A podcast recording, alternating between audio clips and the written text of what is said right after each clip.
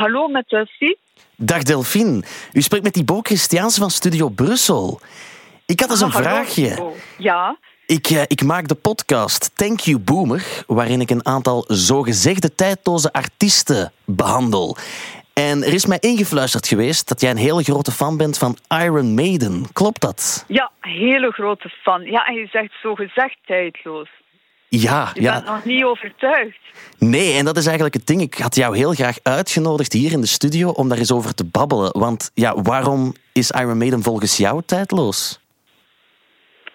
Ja, waar begin ik? Virtuoos, geniaal, mystiek, spiritueel, meesterlijk, eh, m- meesterlijke bassist, drie gitaristen, eh, ja, intellectuele teksten, pure poëzie. Ze hebben het allemaal. Thank you, boomer.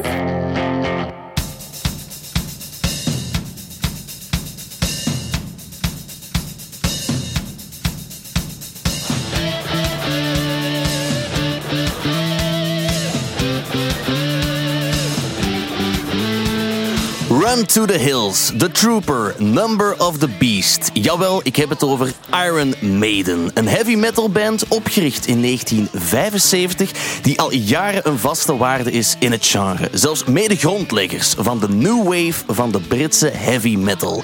Een groep die bekend staat omwille van hun sound, galopperende bassen, uitgesponnen gitaarsolo's, een zombie-mascotte en lang, ondertussen grijs, wapperend haar van enkele leden. Ze hebben veel albums opgenomen en uitgebracht en veel albums verkocht. Meer dan 100 miljoen platen, dat kan tellen. Maar mogen we Iron Maiden tijdloos noemen? Het is een vraag die ik voorleg aan een van de bekendste dichteressen uit ons land. Iemand die zich al eerder profileerde als een liefhebber van het zwaardere gitaarwerk en dus ook superfan is van Iron Maiden. Dag Delphine Leconte. Hallo Thibaut. Hoe gaat het ermee? Heel goed, bedankt voor de uitnodiging. Dat is met alle plezier gedaan. Ik dacht, ik heb jou al eens een aantal keer een lans zien breken voor een aantal bands van het zwaardere genre. En ik dacht, goh, Iron Maiden, daar wil ik het toch ook wel eens over hebben. En jij bent een grote fan. Een hele grote fan. Ehm, omdat ze, ja, ze hebben die diepgang, ze, ze verwerken gedichten, zowaar gedichten. Eh, Ballad of the Ancient Mariner, eh, Rhyme of the Ancient Mariner van Coleridge hebben ze verwerkt in een gedicht. Een gedicht van Alfred Lord Tennyson. Eh, Ze pikken, allee, ze nemen elementen uit de Maya-cultuur, het oude Egypte, Alexander de Grote. Ze zijn, ik bewonder dat ze zoveel diepgang hebben, dat ze epische verhalen willen eh, vertellen, dat nooit vrijblijvend is. Oké. Ik hou van ACDC, dus de tekst mag echt wel onnozel en puberaal zijn, maar toch ben ik ook blij dat ik af en toe kan gaan herbronnen bij Iron Maiden en dat ik zo echt kan verliezen in zo'n hele rijke, ja, gelaagde, bijna intellectuele teksten en ook echt ja, poëtische teksten ook. En, En hoe lang ben je al fan van Iron Maiden? ehm, van mijn zeventiende Oké. Dat is vrij laat. Ehm, ik zat op een hele snobistische kunstschool in het middelbaar in Brugge. En ehm, er was daar zo... Mijn beste vriend was een heavy metal gast. Maar dan natuurlijk zo de obscure Mongoolse death metal en Montenegrijnse trash metal. Hoe onbekender, hoe liever. Dus om de andere klasgenoten te tergen, eigenlijk, legde hij Iron Maiden op. Wat dat in de ogen van bijna iedereen in die kunstschool en de puristen veel te commercieel en te bekend was. Dit bijvoorbeeld, The Number of the Beat, Run to the Hills. Dan was iedereen razend. Hoe durf je dat op te leggen, die commerciële troep? En ik was meteen betoverd. Run to the Hills, zo'n slimme tekst en zo dynamisch. En dat galopperende dat je al vernoemde in je intro.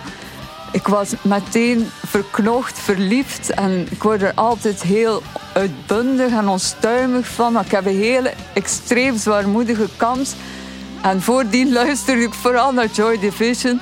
En toen dat ik Iron ontdekte, dacht ik, ja, ik ga mezelf niet langer straffen. En nu, ik vind altijd opnieuw soelaas in die... En dat dynamische ook, maar ook in die hele intelligente, lange narratieve verhalende teksten. Dus ja, echt heerlijk. Het is altijd opnieuw thuiskomen. Ze hebben ook een slogan, heb ik ontdekt. Up the irons. Is dat iets wat je af en toe dan ook zegt? Ja, in mijn douchecel, ja. Up the irons, ja. ja. Ik heb jou gevraagd om een aantal favorieten mee te nemen. Een favoriet nummer en een favoriet album. Wat mag dat nummer zijn voor jou? Hallowed be thy name.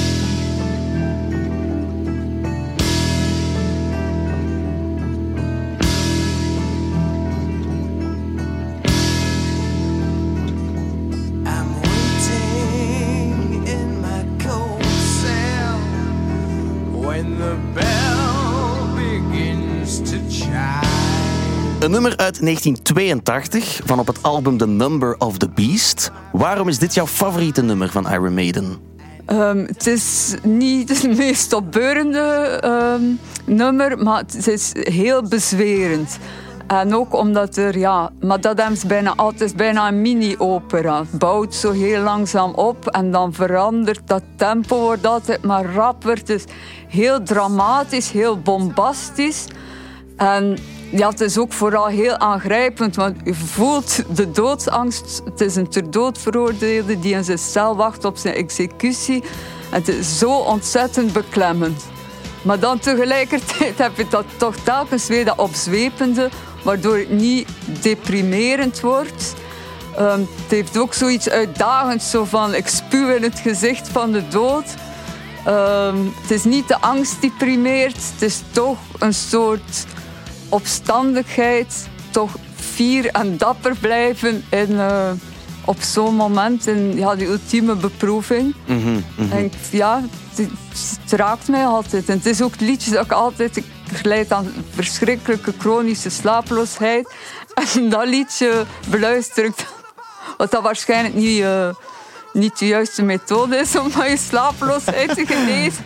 Waarschijnlijk zou ik naar walvisgeluiden moeten luisteren. Maar nee, dit is toch aangenamer. Dit is, ja, dit is beter dan walvisgeluiden. Ja. wel. Ik, zou- ik zou er niet van in slaap kunnen vallen, dat wil niet. Dat wil niet. Ik heb er ook eens wat dingen over opgezocht. En eh, waar ik ook bij uitkwam was dat het deels plagiaat is, dit nummer. Oh Ik ging daar gewoon over zwijgen. In de hoop dat je dat niet was tegengekomen. Jawel, jawel, het is plagiaat van het nummer Life's Shadow, een nummer uit 1973 van de band Beckett.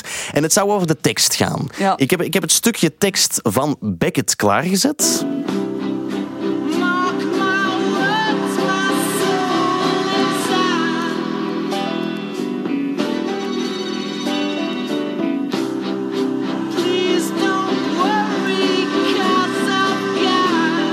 Mark my words, my soul lives on. Please don't worry, cause I have gone. I've gone beyond to see the truth while I consider my new youth. When your time is close at hand, maybe then you'll understand. Enzovoorts. En in de tekst van Hallowed Be Thy Name komt er... Mark my words, believe my soul lives on. Don't worry now that I have gone.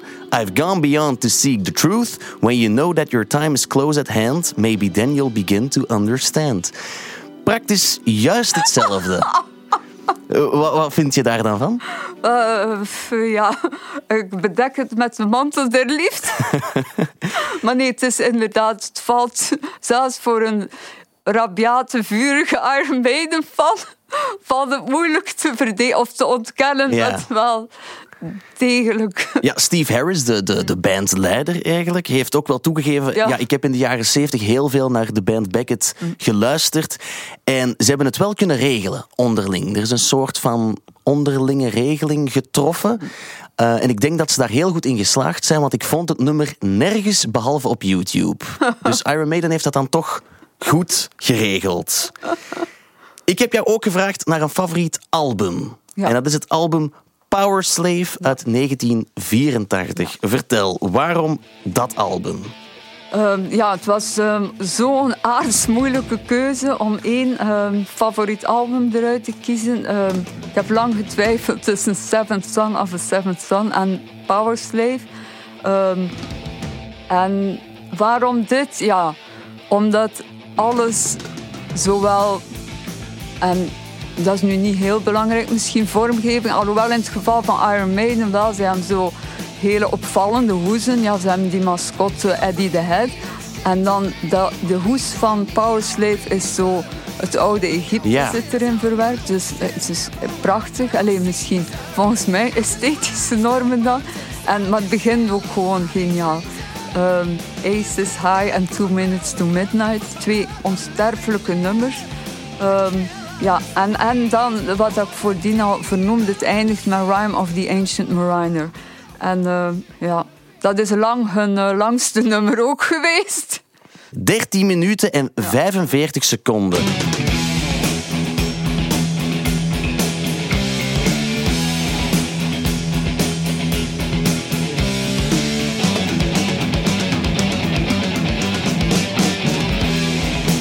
Ja, het is wel een, een episch stukje muziek, moet ik toegeven. Het is ook ja, gebaseerd op het gedicht Rhyme of the Ancient Mariner van Samuel Taylor Coleridge. Dat is iemand waar ik nog over geleerd heb toen ik nog taal en letterkunde studeerde. Dat is wel een hele oude Ja. dichter natuurlijk. Maar het is die link met de literatuur die jou wel boeit bij Iron Maiden. Ja, ja, tuurlijk wel. Goh, ehm, ik verwacht niet ehm, van mijn favoriete rockmuzikanten eh, dat ze constant naar literatuur ver- ver- verwijzen. Ik vind dat geen vereiste. Ehm, het is ook trouwens altijd eerst de melodie en het ritme en eh, de basgitaar die me binnensleurt. Maar natuurlijk was ik eh, wel verwonderd en aangenaam verrast eh, dat ze dan dat nummer en ze, ze nemen ook een paar regels.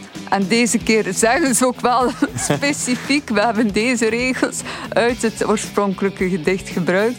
Eh, dus ja, eh, ik vind het fantastisch. eh, want ik ook als middelbare scholier eh, ben daaraan onderworpen aan The Ancient Mariner. Maar toen ook was dat gewoon ja, in een les gegeven door een stugge Norse leerkracht die zonder geestdrift, zonder passie.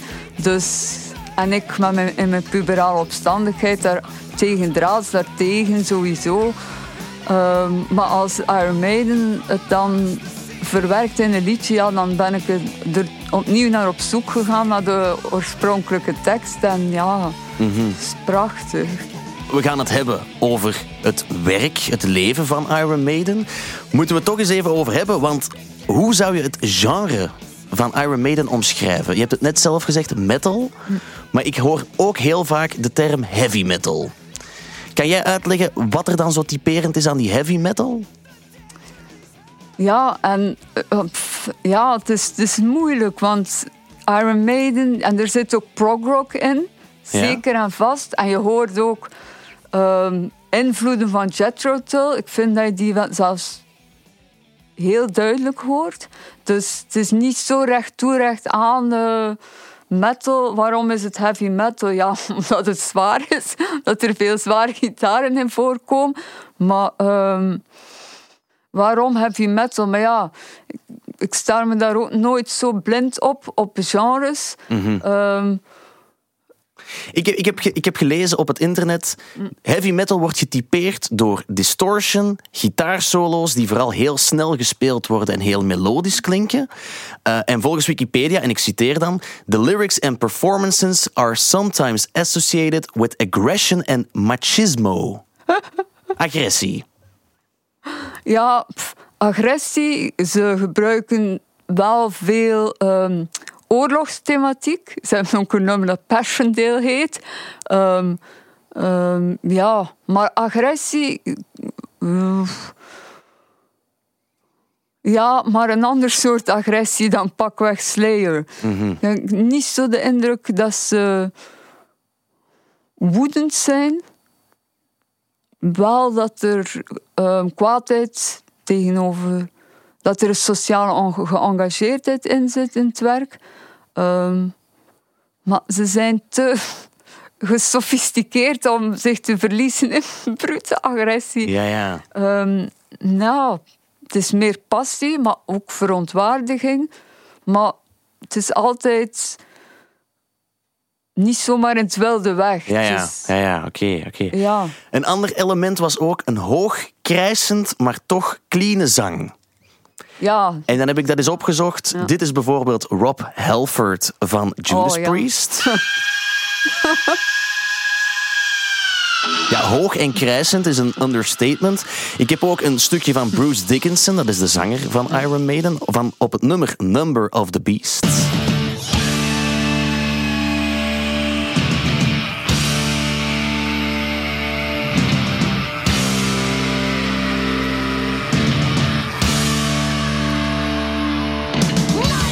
Komt precies geen einde aan, aan die scream. Zalig, hè? Is dat echt iets wat de je... tweede zanger hè, van Bruce Dickinson. Ja, ja, eerst Paul Diano. Daar gaan we, daar gaan we het straks nog ah, uitgebreid over hebben.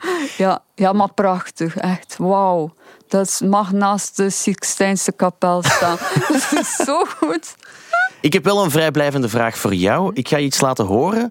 Moet jij eens zeggen of dit tot heavy metal gerekend mag worden?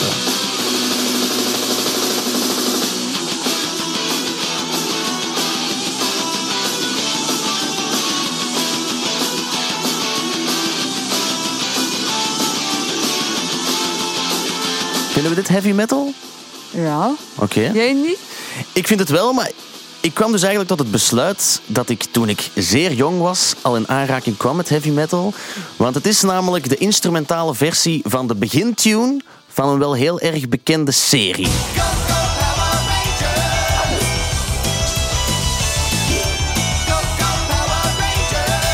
De Power Rangers.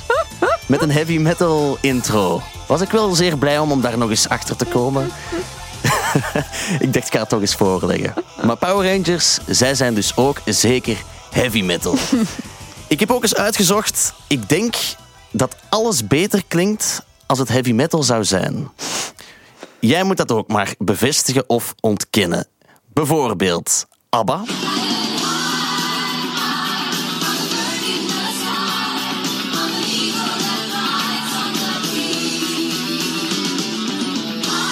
Dat is ABBA samen met Hallowed Be Thy Name. Wat vindt je hier dan van? Eh, ja, apart. nee, het is toch niet nodig. Misschien ook eh, iets voor de liefhebbers. Michael Jackson.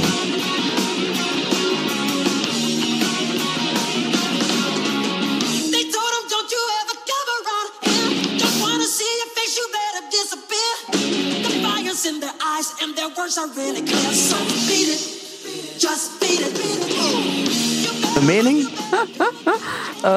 Maar ja, het is... Ja, ja.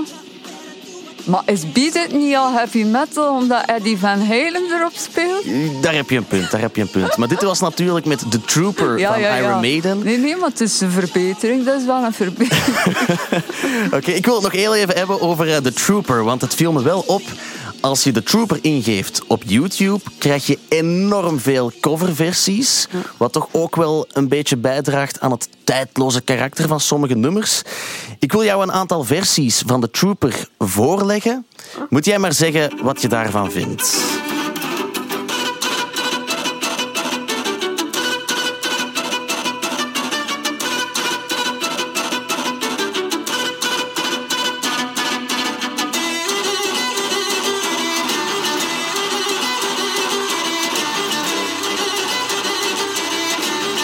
Trooper met twee cello's. Wat vind je daarvan? ja, ehm, afgrijzelijk. Maar ehm, als mensen op die manier van de straat blijven en, en geen kinderen vermoorden, is het allemaal oké voor mij. Naast de cello's heb ik ook een ander instrument gevonden dat zich perfect leent tot de riff van de Trooper.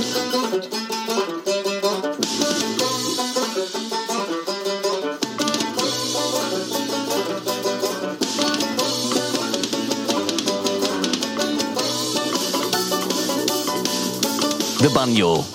ja, ik vrees het al. Zo mogelijk nog erger.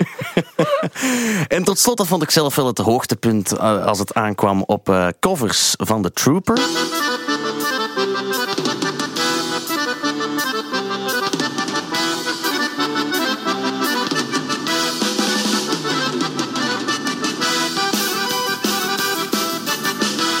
De accordeon, het maakt elk optreden toch wat beter. Nee, echt niet. Maar heeft dat toch wel een soort van betekenis dat, dat die riff zo iconisch is van de Trooper en dat je dat eigenlijk met elk instrument wel... eh, Ja, ja. Hip kan dat, maken? Dat betekent wel dat natuurlijk eh, staat als een huis en dat niet kapot te krijgen is. Ja, tuurlijk. tuurlijk. En het is ook ja, meteen herkenbaar. eh, Ik spot er nu wel mee, maar het, is toch, het blijft toch overeind. Ja, je hoort, het is zo... hè, Ja, ja. Terug naar Iron Maiden zelf dan. We gaan de accordeons eh, laten voor wat ze zijn. We moeten misschien eens kijken naar het begin van Iron Maiden. Ze zijn opgericht in 1975 door een zekere man met de naam Steve Harris, die daarvoor al in andere groepen speelde. En in 1978 heeft hij dan zijn eerste demootje met de band Iron Maiden. Dat was een debuut-EP met de naam The Soundhouse Tapes. Een verwijzing naar een kroeg waar ze heel vaak eh, optraden. En dit was een van de aller, aller, allereerste nummers. Het gelijknamige nummer dus, Iron Maiden.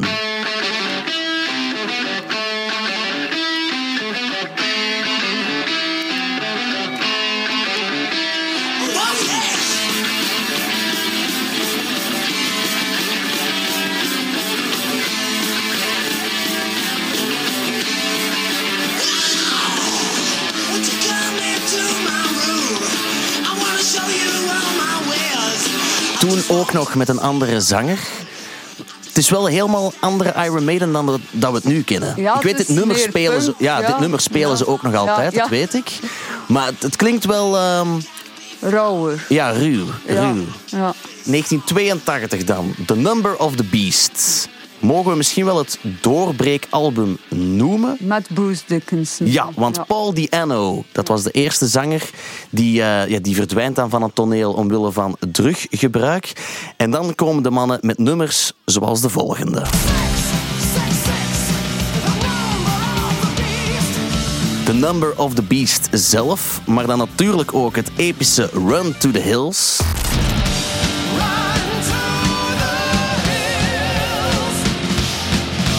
Je zegt het zelf, het was het eerste album met Bruce Dickinson. Ze hebben heel wat albums uitgebracht daarna. Peace of Mind met onder andere The Trooper op. Powerslave, jouw favoriete album waar we het al over gehad hebben. En dan in 1986 hebben ze zes maanden vrij af omdat ze heel de wereld hebben rondgetoerd, jarenlang. En ze beginnen aan nieuw materiaal met het album Somewhere in Time met bijvoorbeeld het nummer Wasted Years op.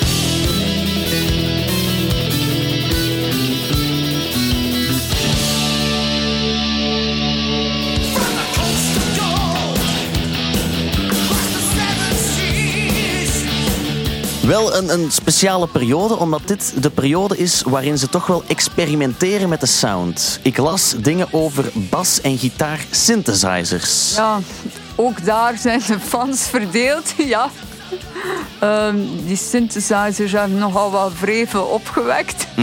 Ehm, maar net zoals nu trouwens, nieuwe single Writing on the, Writing on the Wall. Nu hebben ze een paar elementen uit Southern Rock verwerkt in dat nummer. Dus ehm, ja, het is altijd een beetje ehm, slikken wanneer ze hebben een specifieke, hele herkenbare sound Iron Maiden. En als ze dan nieuwe dingen uitproberen.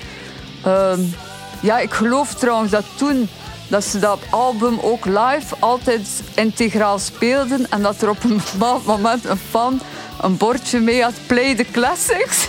en dat op het podium gooide en dat Bruce Dickinson dat aan flarden scheurde. Ja, het is ook moedig natuurlijk dat ze willen experimenteren en niet willen teren op eh, oude hits en Ja, ja. op die... Ja, dat bewonder ik ook wel aan hen. Allee, en ook die lange nummers, radio-onvriendelijker kan niet. Hele lange, epische nummers, ehm, vaak geen duidelijk herhaal, terugkomend refrein. Dus ze maken het zichzelf niet gemakkelijk, maar omdat je voelt, ja, ze zijn echt wel integer. En ja, Ze zijn toch wel ergens trouw gebleven aan de sound die ze eerst hadden. Ja, ja, ja, vind ik. ja, ja, het is, het is- zeker, Het is zeker. geen band die zich heeft verloren in, in de synthesizers, zoals andere groepen misschien nee, wel eens doen. Nee, nee, zeker niet. Je blijft altijd, ja, nee, ze blijven maar altijd trouw aan dat, ja, dat galopperende, dat bombastische. Ja, tuurlijk. Hm. 1992 dan komt hun derde nummer 1 album uit in de UK, Fear of the Dark. Ja,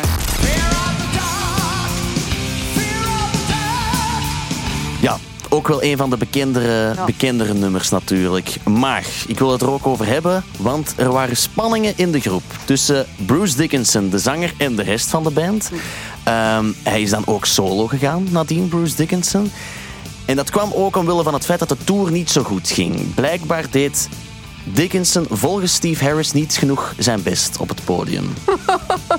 Is dat terecht dat hij dat gezegd heeft? Ja, en eh, Steve Harris is wel een beetje een tiran. Hij heeft ook zo van in het begin die duidelijke artistieke visie voor Iron Maiden.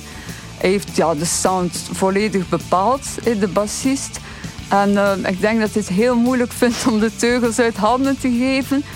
Bruce Dickinson mocht dan vanaf album 7 een paar voorzichtig weg een paar nummers schrijven, maar je voelde toch een zekere korzeligheid en ergernis. En ik denk dat dat altijd wel een beetje is gebleven. Ik denk dat Steve Harris nog wel heel graag de enige, de, ja, de leider zou willen zijn. Maar, maar Bruce Dickinson heeft dan wel zijn plaats opgeëist. En gelukkig maar, want ook fantastische songschrijver. Ehm, maar, maar dat is een best niet deed op het podium. Ja, ja. Hij liet het nog wel hangen. In ieder geval, Bruce Dickinson die wordt vervangen door ene Blaze Ja. Bailey. Ze maken twee nieuwe albums, The X Factor en Virtual Eleven in 1998. Maar dan in 1999 is er de terugkeer van Dickinson en ook van de gitarist Adrian Smith, waardoor Iron Maiden voor het eerst in hun carrière met drie gitaristen op het podium staat. En dat doen ze nu ook nog altijd. Het gaat over deze drie gitaarvirtuosen. Enerzijds Dave Murray.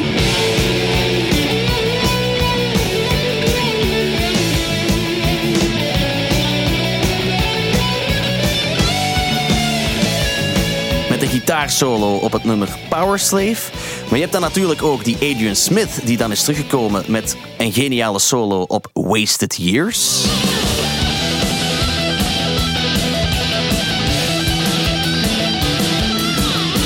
En zijn voormalige vervanger Yannick Gers, die staat ook mee op het podium.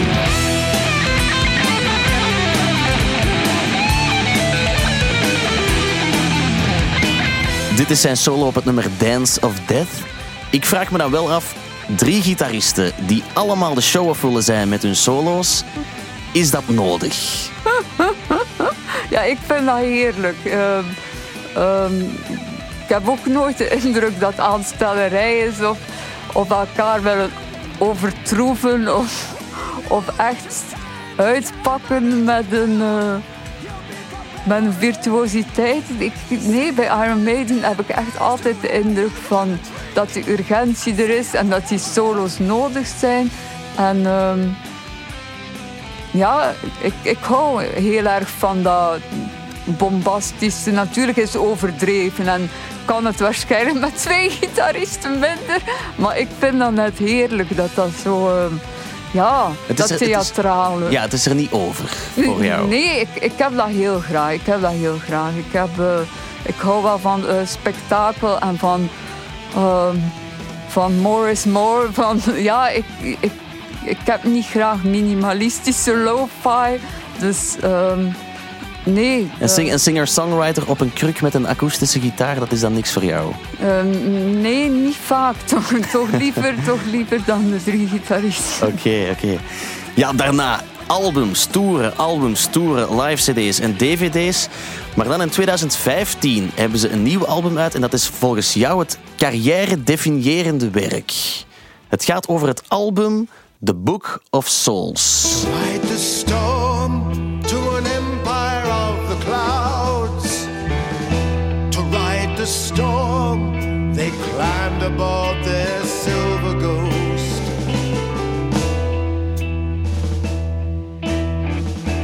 We horen Empire of the Clouds, hun langste nummer, 18 minuten lang. Ja, waarom is dit volgens jou het, het meest carrière-definiërende werk? Ik denk omdat niemand toen nog iets verwachtte van Iron Maiden. Ehm, en ook omdat je na zo'n lange carrière dan...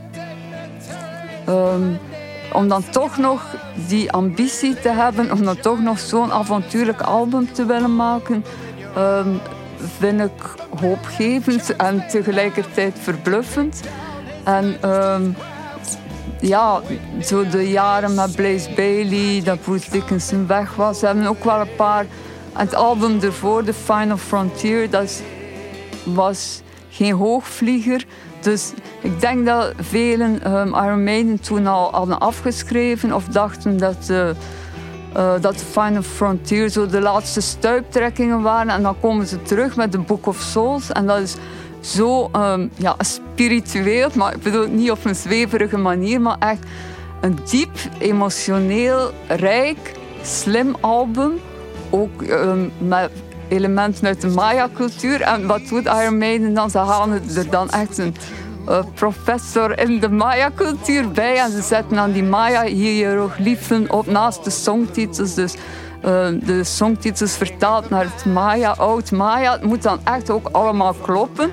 Eh, de vormgeving, alles, ja, alles moet dan kloppen. En ehm, ja, ik, ik vind dat ontroerend. En ook dat je voelt dat Steve Harris en Bruce Dickinson, dat het eindelijk een soort symbiose, harmonieuze relatie is ontstaan tussen die twee. Dat er geen, ja, geen, geen gekibbel, geen strubbelingen meer zijn. Dat het wel een band is die eindelijk weet waar ze voor... Allee, die, ja, die er staat. En ehm, ja... Het is al wel hun zestiende album. Dus volgens jou is het meest carrière-definiërende werk hun laatste album tot nu toe. Ehm, het is wel hun eerste studio-dubbelalbum. En net ervoor had Bruce Dickinson eh, de vaststelling of de diagnose gekregen dat hij kanker had. ja, ja. Dus dat draagt er misschien ook wel tot bij dat dit album zo geliefd is dan. Ja, ja, tuurlijk. Want eh, met zo'n stem, en het was keelkanker, tongkanker, keelkanker. Ik denk wel, ja, je hoort misschien iets als je goed luistert aan zijn stem, dat zijn stem verandert. Maar hij kan nog altijd die opera-achtige zangpartijen aan. En zijn stem blijft verbluffend. Maar ik, ja, het is natuurlijk... ehm, won- wonderlijke soort eh, verrijzenis van Bruce Dickinson. Ja, het had even goed slecht kunnen aflopen, dat hij niet zou terugkeren. Ja, Je hebt het daarnet ook gezegd, Maya-cultuur, hieroglyphen.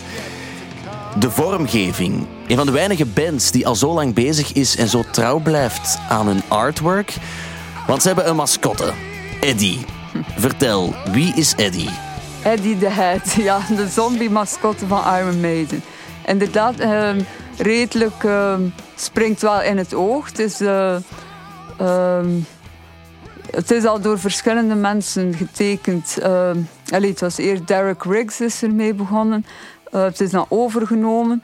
Maar ehm, hij, hij heeft al verschillende gedaanten aangenomen. Op het eerste album ziet hij er eh, behoorlijk hysterisch uit. Maar ja, hij ziet er eigenlijk altijd wel. ja, aantrekkelijk wordt hij nooit. Maar ehm, ja, en ook op podium gebruiken ze hem. Maar het is inderdaad een heel opvallende. Het is eh, schril, ehm, kleurrijk ook wel. Het is...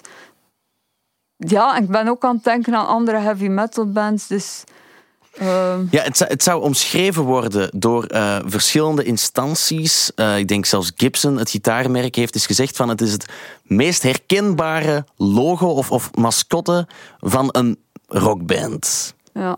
Ja, Motorhead, dat ook wel zo, dat skelet met die horens. Maar, maar nee, maar Eddie the Head is inderdaad wel... eh, ehm, ook omdat het een beetje eh, smakeloos, een beetje tacky is. Het, is. het opnieuw typisch Iron Maiden, over de top. Maar net niet te veel om Spinal Tap pastiche te worden. Ze worden nooit een parodie van zichzelf, gelukkig. Ehm, maar je- ze balanceren soms op het randje, maar het wordt nooit volledig smakeloos. Ja, het heeft wel een keer heel hard op het randje gezeten, want er was op een bepaald moment controverse rond het artwork van de single Sanctuary, want daar stond Eddie boven het lijk van Margaret Thatcher. En dat werd niet echt in dank Ja. afgenomen door andere Britten. Goh, ja, Morrissey heeft ook Margaret on the Guillotine geschreven. Ehm, pff, ja. Het ja, moet kunnen volgens jou. zeker. Tuurlijk, tuurlijk. Ja, ik wil nu nog wel ja, de kritische vraag stellen. Een mascotte van een zombie voor een band met leden in de 60 jaar. Is dat niet een klein beetje kinderachtig anno 2021? Ja, maar ja, maar kinderachtig. Goh. Nee, nee, nee. ehm, dapper. Eh. Ehm, ja, ehm, ja, ik denk dat het ook wel raar zou zijn mochten ze het nu loslaten en plots iets smaakvollers of, iets dat meer past bij een leeftijdscategorie. Ik weet ook niet hoe, hoe dat, dat dan in zijn werk zou moeten gaan. Nee, ik denk dat het wel goed is dat ze trouw blijven aan Eddie. Kan jij zelf eigenlijk nog bijhouden hoeveel werk ze gemaakt hebben? Hoeveel albums bijvoorbeeld? Ja, zonder de live albums erbij verschijnt nu 3 september het 17e album, Yenjutsu. Ja. Want ik, ik dacht van ja, 17 studioalbums dan. Eh, heel veel live albums. Het was amper bij te houden toen ik de voorbereiding voor dit gesprek deed. Mogen we soms zeggen dat er heel veel dingen toch een beetje op elkaar lijken? Of eh, zie ik dat verkeerd? Ja, ik denk nu wel dat dat een kritiek is die je kan en mag geven wat betreft Iron Maiden. Maar ja, mij stoort dat ook niet. En dan ook dat productieve. En dan is er ook nog het solo-project eh, van eh, Bruce Dickinson, zijn solo-albums. En de boeken die hij heeft geschreven. En het vliegtuigbrevet dat hij heeft gehaald. Dus ja, het is wel een, een multitalenteerde man. Maar lijkt het allemaal op elkaar? Ja, soms wel. Maar ik vind dat ook net de charme dat dat, dat zo een soort oceaan van Iron Maidenness is waarin dat ik mij werp en dat, waarin dat ik mij verlies. En ja, Vind je alles even goed van Iron Maiden? ehm, ja, ja, nee, het is niet allemaal even goed, maar ehm, ik zou toch ook het slechtste van Iron Maiden verkiezen boven het beste van pakweg Beck. Allee, ik noem nu maar lukraak een artiest. Dus ja, ik vind ook het slechtste van Iron Maiden altijd wel genietbaar. Oké. Ik heb zelf heel veel muziek beluisterd van Iron Maiden. En ik heb er een aantal nummers uitgehaald waarvan ik dacht... Goh, goh moeten we dit tijdloos noemen. Bijvoorbeeld het nummer The Red and the Black.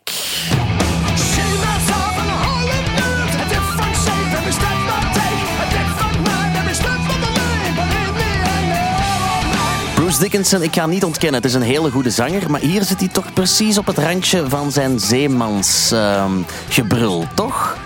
En dan zo de heel cliché...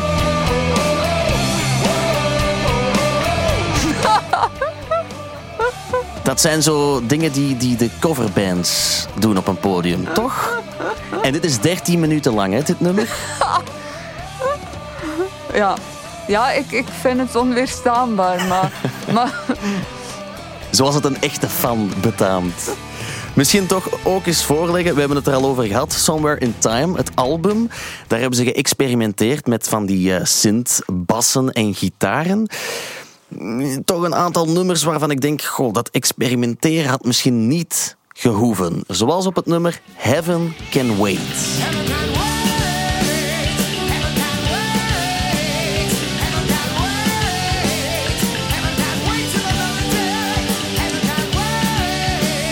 Ik weet niet hoe vaak Heaven Can Wait voorkomt in het nummer, maar het is wel heel vaak. Maar ik, ik vind het wel een, een ontroerend nummer. Is dit ontroerend? Van een, van een meer emotionele nummer. Ja, ik word er altijd een beetje tranerig. Oké, Voor mij mag het nog eh, duizend keer hebben. duizend keer herhaald ja. Oké, oké, dan moet ik het misschien nog eens opnieuw beluisteren. Eh, maar voor mij het dieptepunt toch wel van die plaat... eh, nee, van eh, Seventh Son of a Seventh Son uit 1988... eh, is het nummer Can I Play With Madness.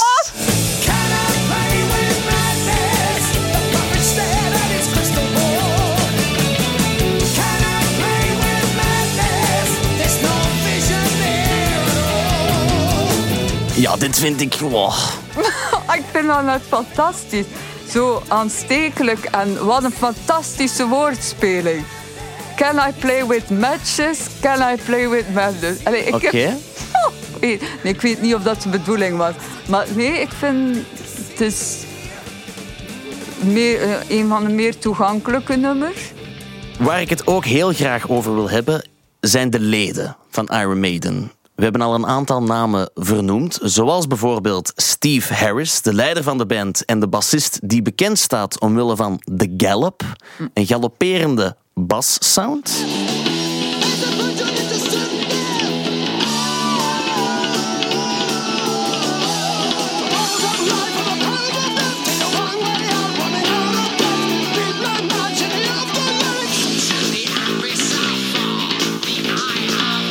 Zeer typerend voor de band. Steve Harris is het enige originele lid van bij het begin. Want hoeveel mensen hebben er in Iron Maiden gezeten, denk je? 13. 13? Doe er maar 10 mensen bij. 23 verschillende leden. Ja, kan je dan nog wel spreken over een groep, vraag ik me af. Ja. Iedereen lijkt vervangbaar. Ehm, ja. Goh, het is, het geesteskind van Steve Harris, ja, dat is zo. Maar ik denk wel dat Bruce Dickinson er ondertussen zijn stempel op heeft gedrukt. Ja, kan je nog spreken van een groep? Denk het wel. Ja, ik kon gewoon niet meer volgen. Ik heb alle, alle vermeldingen van bandleden, behalve Bruce Dickinson en Steve Harris, ook zo wat achterwege proberen laten, omdat het gewoon zo onoverzichtelijk was wanneer ik ja, bestudeerde met wie ze allemaal gespeeld hebben.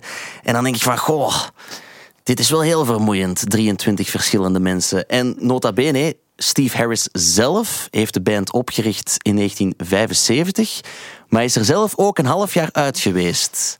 En dan kwam hij weer terug. Dan denk ik van, maar allez, hoe kan dit nu met een tijdloze band?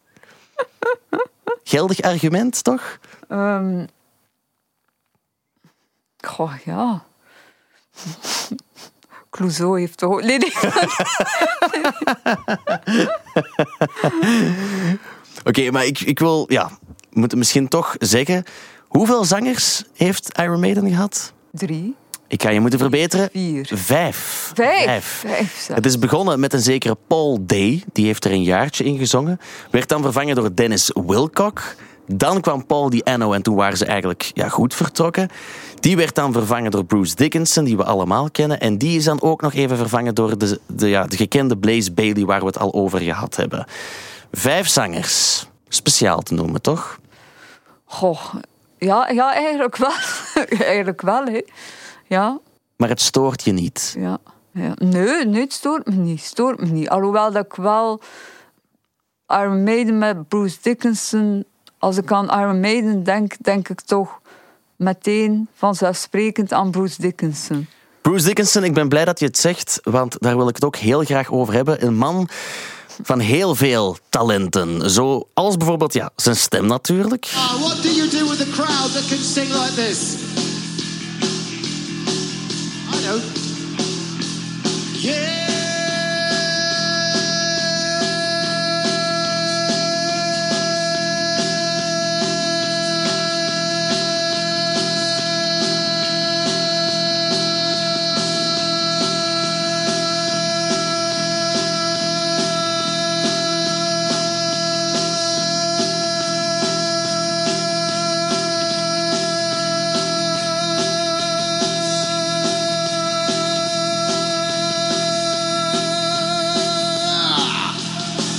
Dertig 30 seconden lang heeft dit geduurd. Dan heb je toch wel een goede stem. Dat moet ik toegeven. Dat moet ik toegeven.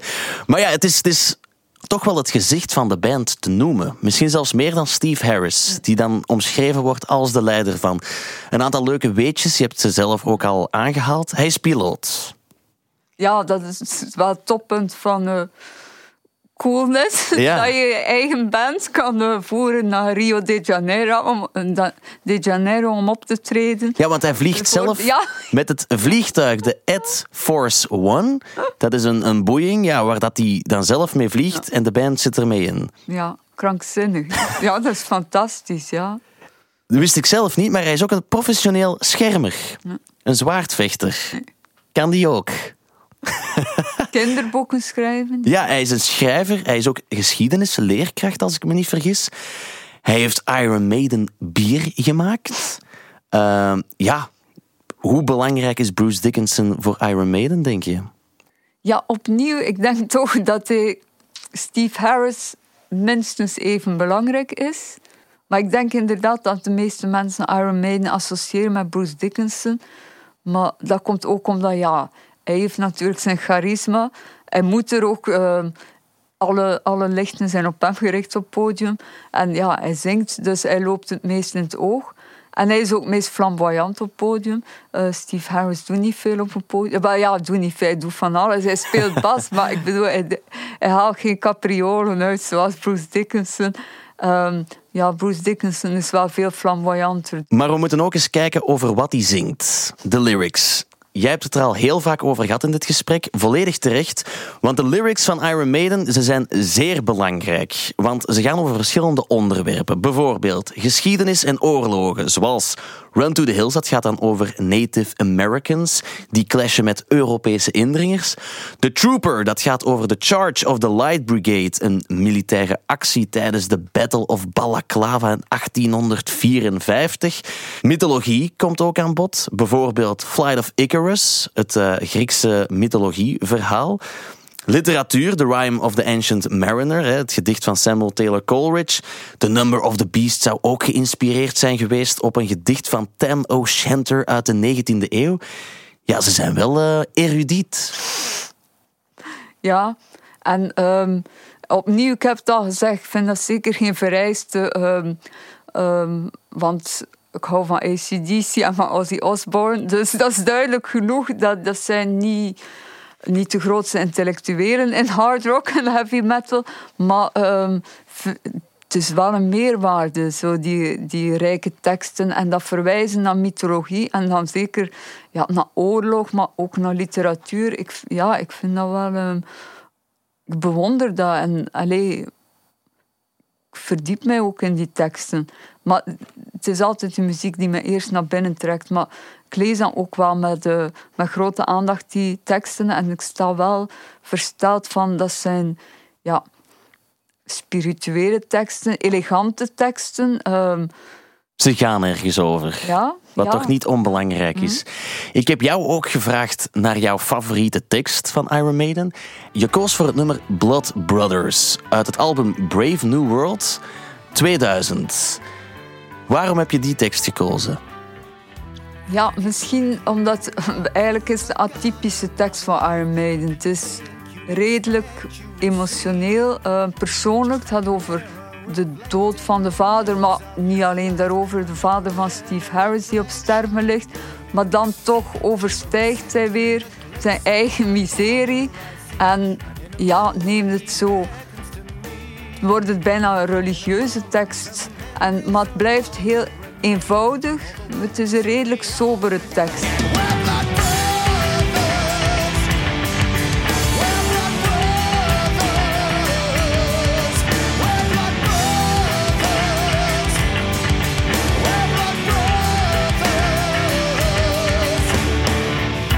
Ik vind het, uh, vind het einde heel raar. Het is een open einde.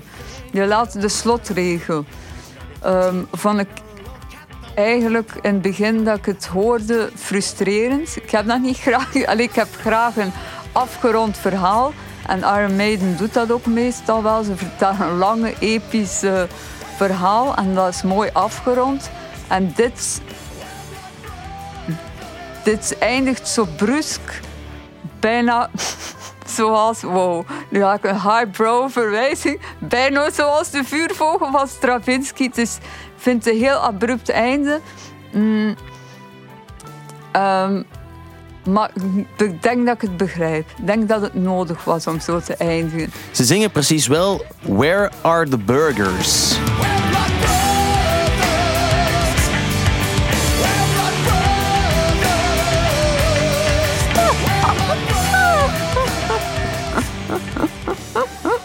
dat maak ik ervan natuurlijk. Heerlijk schattig. Nee. ja. Ik heb wel nog een aantal teksten geselecteerd die ik jou eens wil voorleggen, omdat ik denk... Ja, ze hebben aangetoond dat ze wel serieuze teksten kunnen schrijven. Ze weten echt wel van wanten. Maar sommige nummers, ja, daar heb ik toch wel wat mijn twijfels over. Bring Your Daughter to the Slaughter.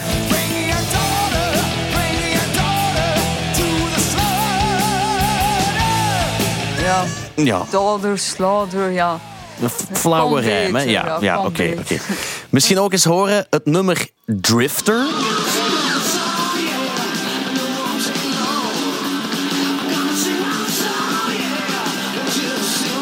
Van het album Killers, hun tweede album. Ja, I'm gonna sing my song, yeah. I want you to sing along. Ja, een beginnersfout. Dan is het erudiete toch ver te zoeken, hè? Live. Iron Maiden, dat is een heel spektakel. Ik heb jou gevraagd voor een favoriet live fragment. Jij hebt gekozen eigenlijk voor het album Live After Death, een live album. Maar je kon niet kiezen tussen Flight of Icarus en The Trooper. Ik heb ze alle twee klaarstaan. Wat had je graag, Heerlijk. wat had je graag gehoord? Flight of Icarus.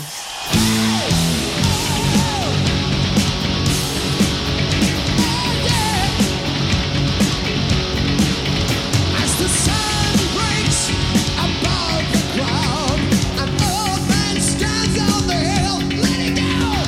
Heb je Iron Maiden al live gezien? Nee, schandalig. Nog nooit. Nog nooit. En je bent al fan sinds je zeventiende. Ja, ja, ja, ja, dat is heel erg. Dat, is, eh, ehm, dat gaat nu hersteld worden in 2022. Want dan spelen ze op Graspop Ja, Metal ja, Meeting.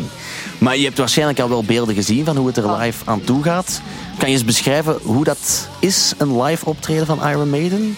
Een religieuze ervaring, vermoedelijk dan. Ehm, ze hebben ook wel een hele, hele, hele loyale fanbasis.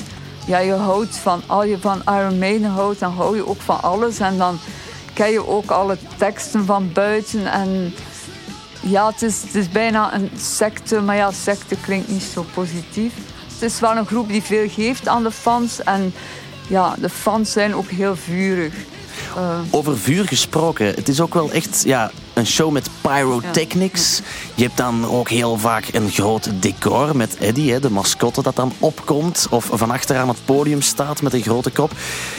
Je ziet de drummer ook niet zitten achter zijn drums, omdat hij zoveel trommels heeft. Ik denk dan, ja, het is bijna spectaculairder dan een Studio 100 spektakelmusical. Toch? Het, het is wel... Ja, er valt veel te zien. ja, ja. Is dat een vereiste als je naar zo'n optreden gaat kijken? Voor jou dan persoonlijk? Nee, nee, dat is geen vereiste. Maar ik begrijp, eh, ik vind dat, ja, ik- weet dat Iron Maiden dat doet. En ehm, nee, dat is geen vereiste. Maar ik heb, ik heb opnieuw, ik heb graag spektakel. Uh, Ramstein heb ik wel live gezien. Dus eh, zij tappen ja, niet uit hetzelfde vaatje, maar ze zijn toch ook redelijk eh, spectaculair op pyrotechnisch vlak. Dus nee, ik hou er wel van. Moet niet, moet zeker niet. Maar net dat vind ik knap aan Iron Maiden, is dat ze toch dat het emotionele en die urgentie weten te behouden. En dat de spektakel niet afleidt, dat niet ehm, ja, alleen maar maskerade is of theater. Dat je wel voelt dat er eh, ja, een authentie- authenticiteit en echtheid daar staat. Dus the best of both worlds, ja, ik denk wel, ja. Oké, en volgend jaar dan, 2022, headliner op Graspop Metal Meeting. Het zal de tiende keer zijn dat ze op Graspop Metal Meeting spelen. Daar ben je dan sowieso bij. Ja, zeker. De toekomst, dat is ook iets waar we het nog kort over moeten hebben. Want hun zeventiende album Senjutsu komt ja, binnenkort toch al uit.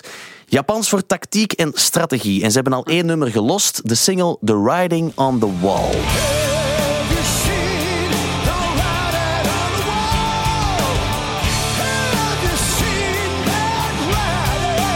Het is het eerste album na The Book of Souls uit 2015, waar we het ook al over gehad hebben. We hebben er zes jaar op moeten wachten.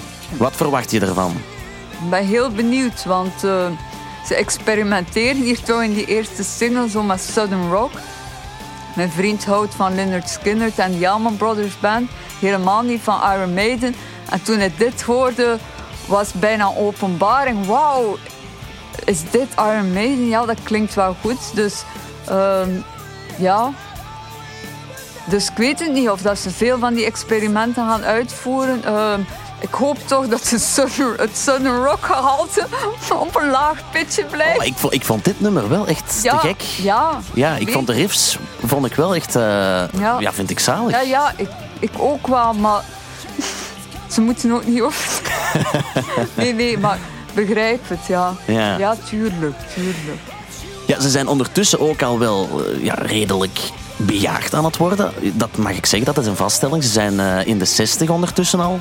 Ehm, hoe lang denk je dat ze het nog gaan volhouden? Want ja, er komt dan dat 17e album uit. Ze spelen op Graspop Metal Meeting volgend jaar. Ja, gaan ze uitgedoofd geraken of gaan ze toch eh, er nog tien jaar bij lappen?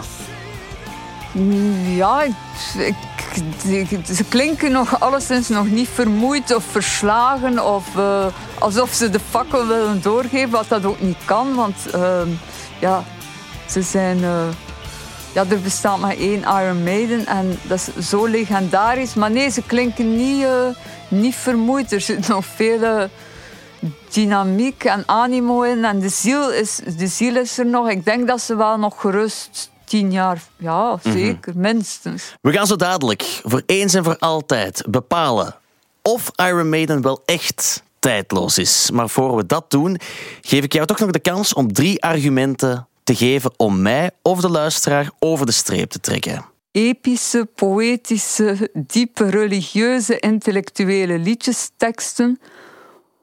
Opera-achtige, bombastische, perfecte, flamboyante podiumpresence en zangpartijen van Bruce Dickinson. En geniale, overdadige, ehm galopperende gitaarsolo's en riffs en ehm, van eh, net genoeg gitaristen. Drie mooie argumenten. Het was, het was haast poëzie. Dan zijn we aanbeland bij het slot pleidooi. Delphine Leconte, mogen we Iron Maiden, de band, vandaag nog legendarisch, iconisch en bij uitbreiding tijdloos noemen? 3, 2, 1. Ja! ja! Jawel, ik ben wel overtuigd. En ik ben ook fan van gitaren. En ik heb nog één ding om te zeggen, Delphine. I've got two tickets to Iron Maiden, baby. Come with me Friday.